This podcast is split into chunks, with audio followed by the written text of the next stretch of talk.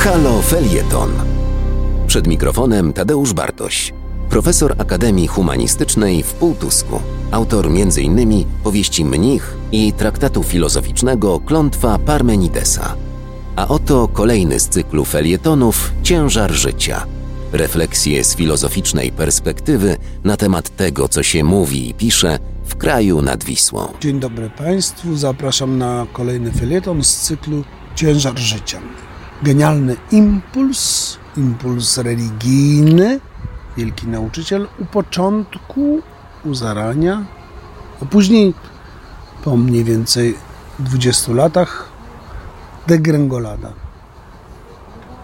Tak miało być między innymi z Jezusem i jego projektem. U początku coś wspaniałego, no ale przyszedł Kościół.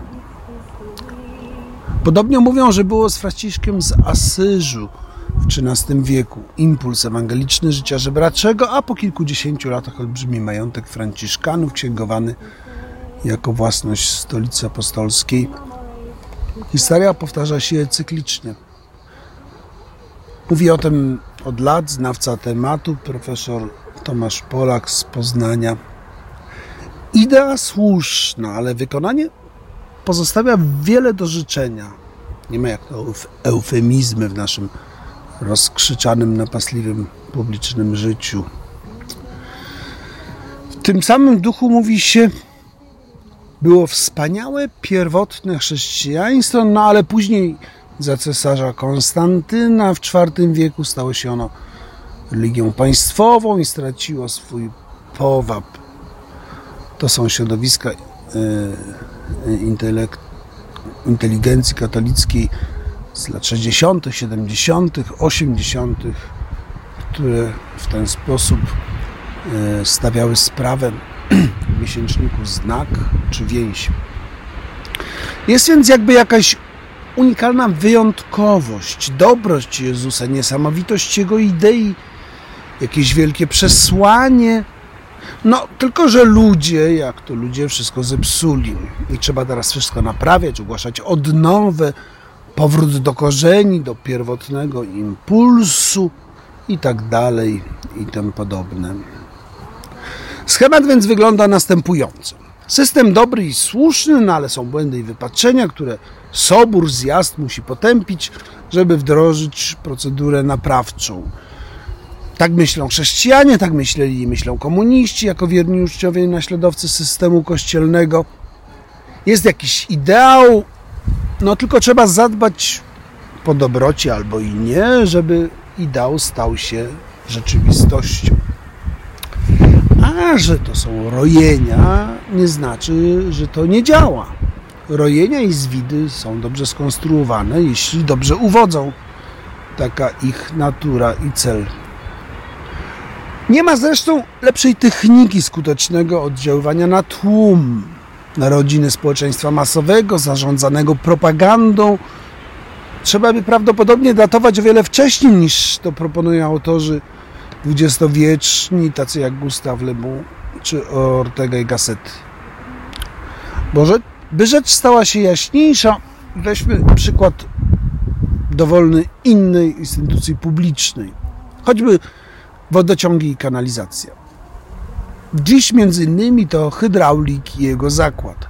Co prawda jego naprawy i remonty to katastrofa, ale on jest nośnikiem słusznej idei pierwszego prawdziwego hydraulika. On jest jedynym spadkobiercą idei, idei hydraulizmu. I tylko on potrafi, nawet jeśli faktycznie mu nie wychodzi, przekazać ów hydraulizm następnym pokoleniom. Bez niego katastrofa. Cały hydraulizm, czy tej humanizm bierze w łeb. Tak więc system dobry, z gruntu dobry, jest samą esencją dobroci, no ale szwankuje wykonanie. Trudno zresztą, żeby nie szwankowało, skoro system jest tak idealny, jest samą czystą doskonałością, no to zwykły człowiek nie może mu tak normalnie dorównać. Nie znam bardziej genialnego oszustwa, uniwersalnej struktury kłamstwa. Wielki ideał, wymóg jego realizacji, oraz z założenia i, i faktycznie niemożliwość osiągnięcia ideału. To pakiet. Pochwała za próby, doping, trzymanie kciuków, spowiedź, msza, komunia, a na końcu i tak wszystko. I tak nic sam nie osiągniesz, a wszystko masz, co masz, to dzięki nam. Precyzyjna definicja niewolnictwa. Ugruntowanie trwałego poczucia niższości. No i kasta zwana od już od wieków kastą kapłańską, która rozsądza, osądza, że ideał jeszcze niespełniony. Wskazówka. Jeśli chcesz rządzić, y, to znaczy nie współpracować, ale rządzić sensu stricto, utrzymuj zależnych w poczuciu permanentnego niespełni niespełnienia, niedoskonałości, emocjonalnej zależności, poczucia, poczucia niedosięgania. To działa samo, perpetuum mobile. Tymczasem ów ideał, w tym przypadku ideał Jezusa, jest ewidentnym oszustwem, zwykłym szalbierstwem, żerowaniem na naiwności i prostoduszności ludu. Pięknie o postaci napisał Jezusa, napisał w felietonie e, dla miesięcznika Znak Tadeusz Zatorski. Cytuję. Nie ma w życiu ani przesłaniu Jezusa z Nazaretu nic nadzwyczajnego, ani niesamowitego. To jedna z niezliczonych prognoz apokaliptycznych w pierwszym wieku, dodajmy, obietnic nowego rozdania kart, jak zawsze znajdują posłuch. U sfrustrowany swoją sytuacją życiową i dowiadujących się z radością, że ci, którym powiodło się lepiej, to chwast, skazany na spalenie w piecach roznieconych, już niebawem przez aniołów Pana. Mało tego, pisze dalej Zatorski, w działaniach Jezusa i Jego uczniów odnajdujemy niemal wszystkie techniki manipulacji, które taki niepokój budzą w działaniach przywódców współczesnych sekt. Bombardowanie miłością, wzbudzanie poczucia winy, żądanie zerwania więziów rodzin, więzi rodzinnych, wyzbycia się majątku na rzecz gminy, poddania kontroli swojego życia intymnego. Trudno też za bardzo użyteczne uznać zalecenia, by upodobnić się do ptaków niebieskich, czy dokonać autokastracji. Ewangelia, gdy ją przeczytać własnymi oczami, jawi się jako dość banalna opowieść o posępnym proroku apokalipsy, któremu zdarzało się płakać, ale który nigdy, jak to z naciskiem podkreślał w imieniu róży złowrogi Jorge, nie zaśmiał się ani razu.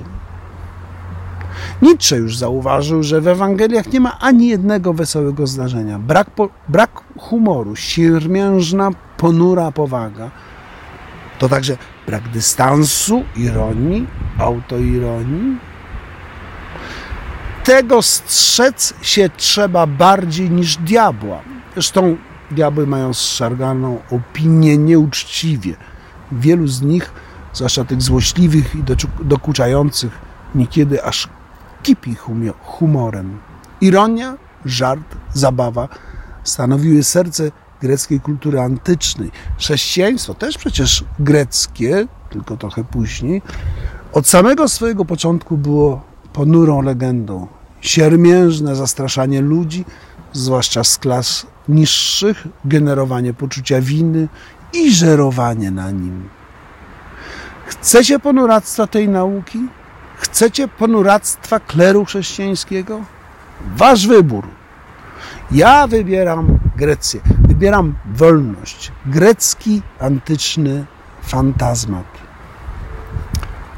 Dziękuję bardzo za uwagę. Do usłyszenia za tydzień.